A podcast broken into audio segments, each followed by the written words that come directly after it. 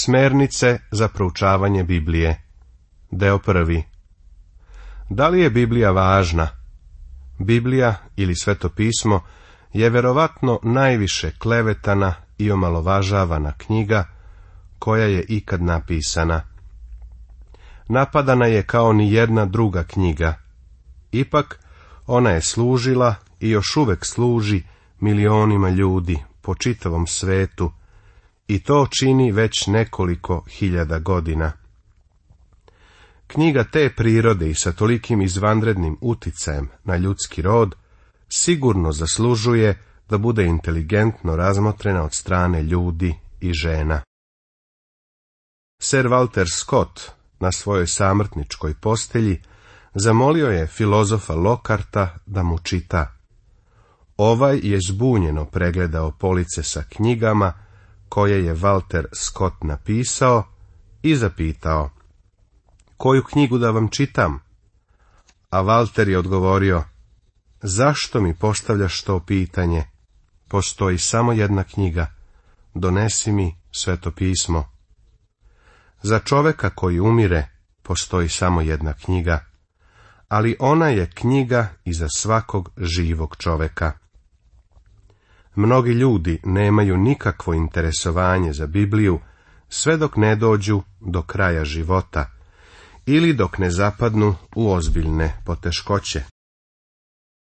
Iako je divno imati knjigu u kojoj pronalaziš utehu u takvom vremenu, to je također i knjiga za tvoj potpuni život, život pune snage. To je knjiga uz koju možeš da se suočiš sa današnjim životom i to je knjiga koja obezbeđuje jedini siguran put kroz ovaj svet i u sljedeći svet. To je jedina knjiga koja nas osposobljava da se susretnemo sa neočekivanim i iznenadnim događajima u životu i ona ublažava šok koji nam donose. Biblija odnosno sveto pismo, se razlikuje od svake druge knjige. To je knjiga koja je izvršila uticaj na velike ljude, koji su za uzvrat imali veliki uticaj na svet. Da ti pročitam neke citate. Jedan afrički princ došao je u Englesku i bio je predstavljen njenom kraljevskom veličanstvu kraljici Viktoriji. Ovaj princ je postavio veoma značajno pitanje.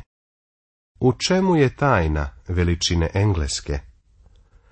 Kraljica je uzela divno povezan primjerak Biblije i pokazala je princu uz ovu izjavu. Ovo je tajna veličine Engleske. Pitam se da li je pad Engleske na drugorazrednu, pa onda i na razrednu naciju, možda povezan sa činjenicom da je Engleska ostavila Božju reč.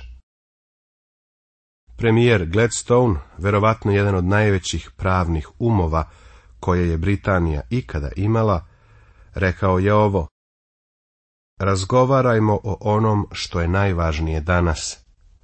Ne postoji ništa osim evanđelja. Ono može da ispravi i ispravit će sve. Drago mi je da mogu reći da su hrišćani u samom vrhu u Velikoj Britaniji. U državnoj službi sam 58 godina. Svi ljudi, osim njih 11, koji su bili u kabinetu britanske vlade i u toku 47 godina sarađivali su sa 60 najvećih umova našeg veka i svi oni, osim petorice od njih 60, bili su hrišćani. Lično smatram da deo problema koje imamo u današnjem svetu jeste to što u vrhu imamo nedovoljan broj hrišćana, premalo onih koji su upoznati sa Božijom rečju.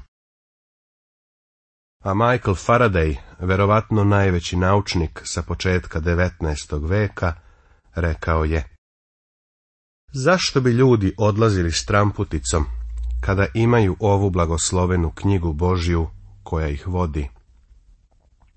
Isak Newton, naučnik iz prethodnog veka, rekao je, ako je Biblija istinita, dolazi vreme kada će ljudi putovati 80 km na sat. A Voltaire, francuski skeptik, je ovako komentarisao, siroti Isak Newton, već je od starosti bio posenilio kada je davao ovo proročanstvo. Ovo jedino pokazuje šta će proučavanje Biblije učiniti jednom, inače naučnom umu. Možda je zanimljivo zapaziti šta su neki od prethodnih američkih predsjednika imali da kažu o svetom pismu. John Adams, na primjer, drugi predsjednik Amerike, rekao je sljedeće. Istraživao sam sve, misli ovdje na celokupno sveto pismo, kao moju usku oblast, kao sredstva za razjašnjavanje, a moj radni život će se složiti, rezultat je taj da je Biblija ipak najbolja knjiga na svetu. Sadrži više moje malene filozofije nego sve biblioteke koje sam video, a delovi koje ne mogu da pomirim sa mojom malom filozofijom odlažem za dalje proučavanje. Američki predsjednik John Adams je rekao Govorim kao čovjek iz sveta ljudima u svetu i kažem vam Istražujte sveto pismo. Biblija je knjiga nad knjigama i treba je čitati u svim dobima i pod svim uslovima ljudskog života. Ne treba je pročitati jednom ili dva puta i onda odložiti, nego je treba svakoga dana pomalo čitati. A predsjednici iz prošlosti, koji su američku naciju učinili velikom, nisu ih uvodili u strane ratove i bili su sposobni da reše svakodnevne probleme. Neko bi mogao da proračunava, ali Problemi tada nisu bili tako komplikovani kao što su sada. Bili su problemi veliki za to vrijeme prijatelju. Ne samo Engleska, nego su se i Sjedinjene američke države udaljile od Božje reči. A što dalje idemo, naši problemi postaju sve komplikovaniji. Baš sada, na pozicijama vlasti u Americi, na primjer, nalaze se ljudi koji govore da za nacionalne probleme nema rešenja. Baš zbog toga ja Božju reč poučavam u njenoj celovitosti. Verujem da je ona jedino rešenje. I iskreno govoreći prijatelji, bolje bi Americi bilo da joj se vrati.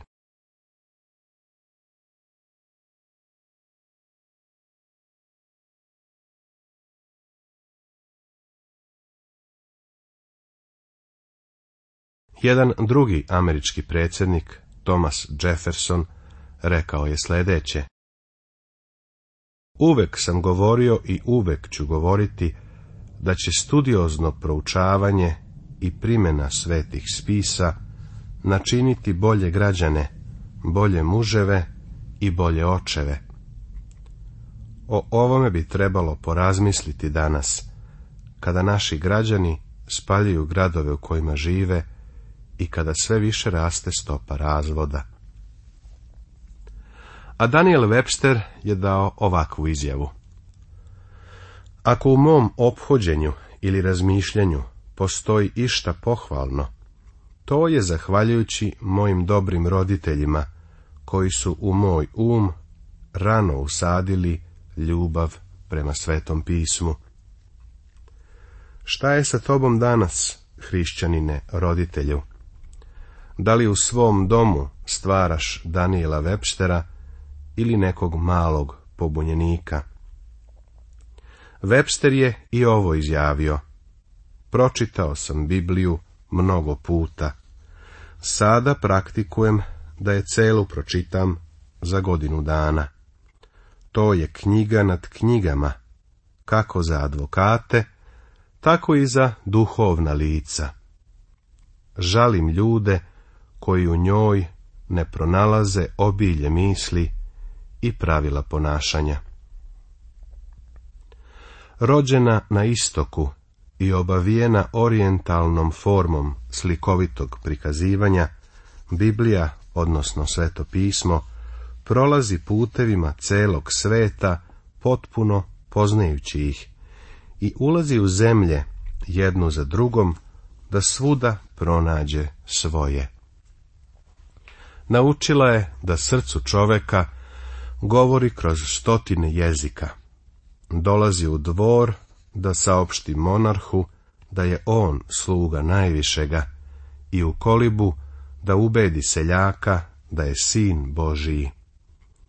Deca sa divljenjem i oduševljenjem slušaju njene priče, a mudri ljudi ih proučavaju kao životne alegorije.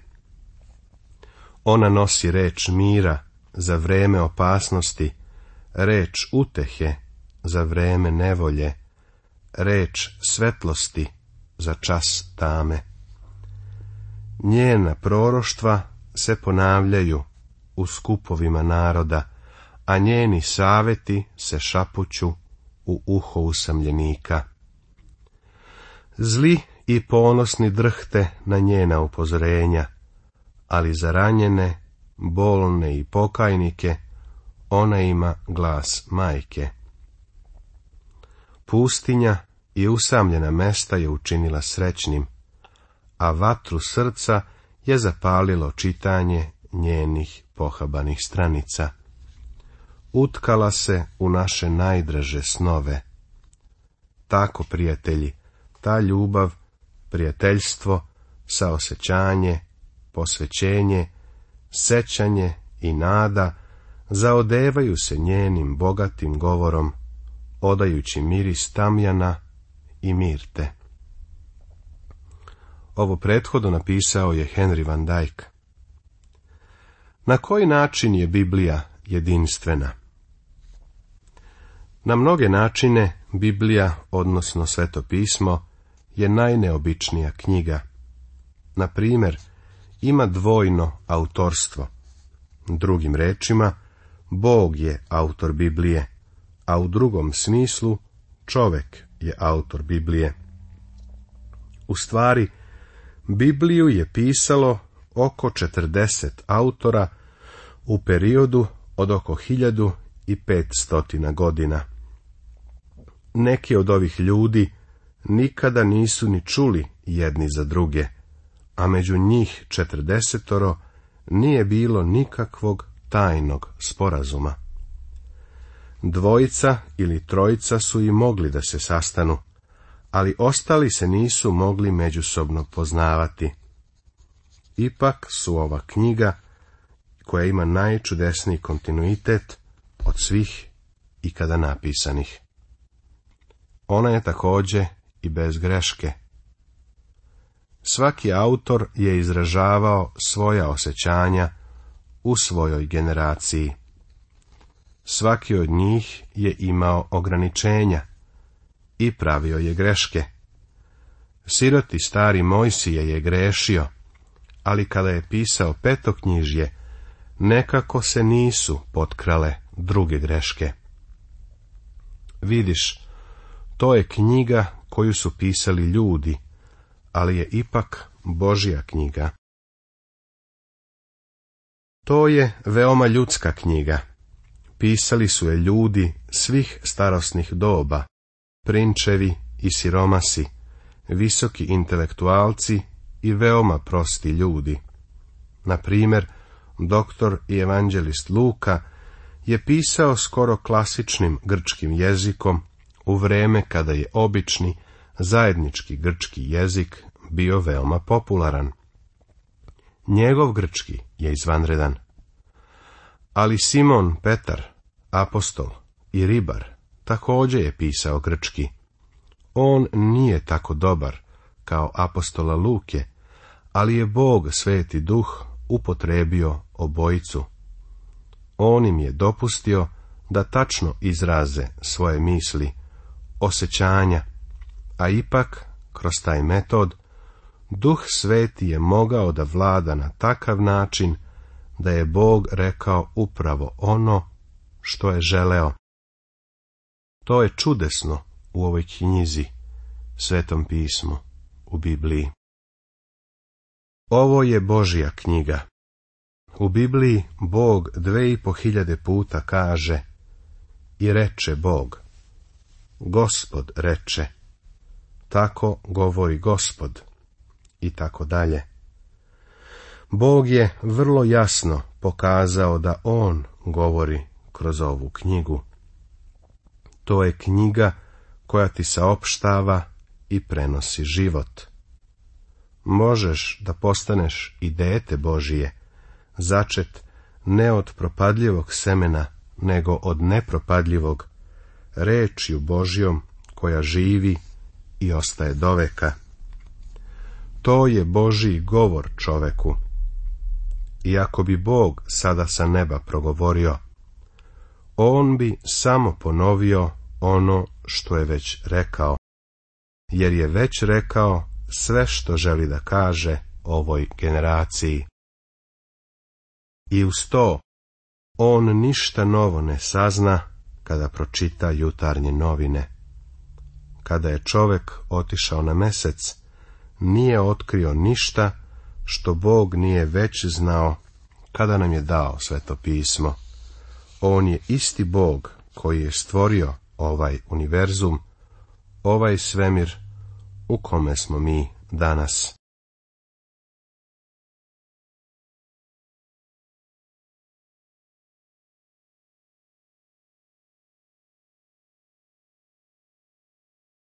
Biblija je i božanska i čovečija.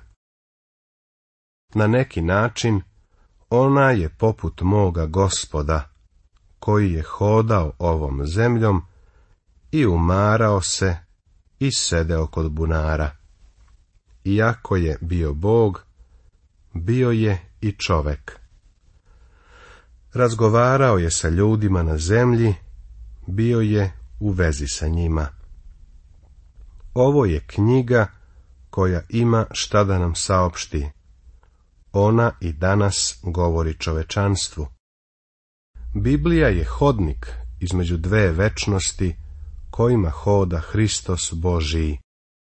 Njegovi nevidljivi koraci odjekuju kroz stari zavet, ali ga licem licu susrećemo u prestonoj dvorani Novoga zaveta jedino kroz Hrista, za mene raspetog, našao sam oproštenje mojih greha i večni život.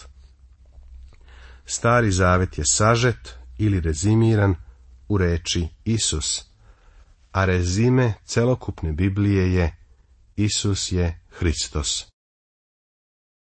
Biblija, odnosno sveto pismo, nam otkriva ko je Bog stvoritelj. On nije bog panteizma, bezlična sila prirode, koja se neraskidivo uplela u tvorevinu i više se ne razlikuje od nje.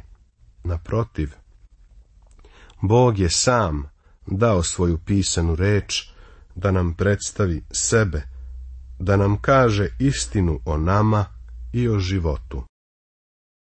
Zato je sveto pismo, pismo od Boga čoveku, više od spomenika religijske i kulturne istorije čovečanstva. Ono je više od obične knjige. Od oko otprilike 2000 jezika, narečja i dijalekata koji se danas govore na svetu, Biblija je prevedena cela ili delimično na više od 1500.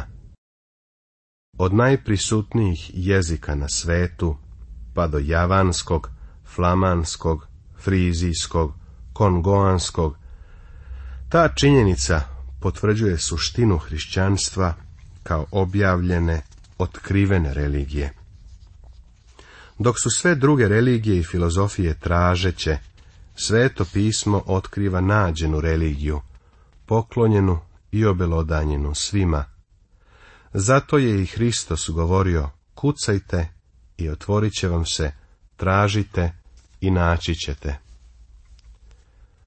Tako dakle, superiornost Biblije nad ostalim svetim knjigama je neprikosnovena.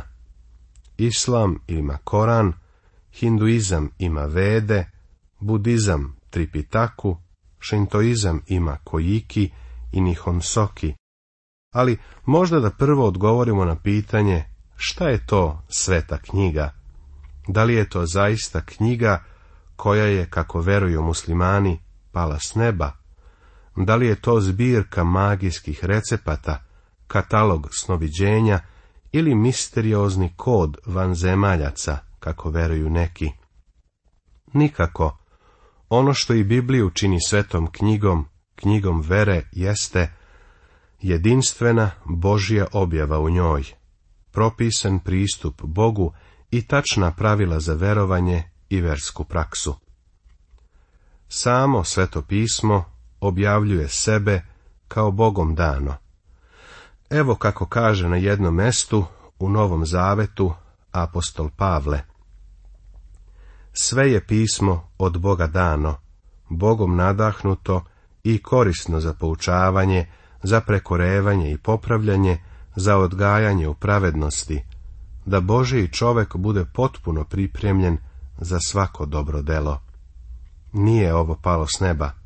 Ne, takvo pojednostavljenje stvari je uvreda našem intelektu i obezvređuje dubinu Božije objave, svodi je nekako na nivo bajke.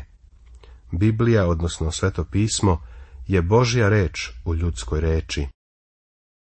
Apostol Petar kaže da nikada niti jedno proročanstvo nije došlo po ljudskom nahođenju, nego su nošeni Božim duhom govorili sveti Boži ljudi.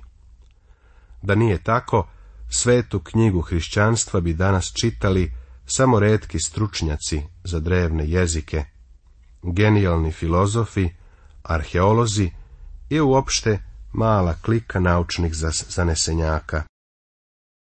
Bibliju čitaju vekovima milioni na svim meridijanima, otkrivajući istine o Bogu i sebi, istine spasenja i večnosti. Zašto? Ona je svojom nadahnutošću živa i delotvorna. U jednom pismu apostol Pavle kaže da je oštrija od svakog skalpela, da prodire dotle, da deli dušu i duh i prosuđuje namere misli i namere srca. Božja reč je živa zato što je Bog živ. Dakle, ona je pravi izvor, samo vrelo objave i bogopoznanja. Njemu istinitost dokazuje istorija, mnoga ispunjena proročanstva, arheologija, moralni red naše duše. Pa opet, ona nije istorijska čitanka, filozofski priručnik i zbirka religioznih bajki. Ona je knjiga vere, svedočanstvo da je Bog na mnogo načina u razna vremena govorio i činio dela spasenja. Nastavit će se.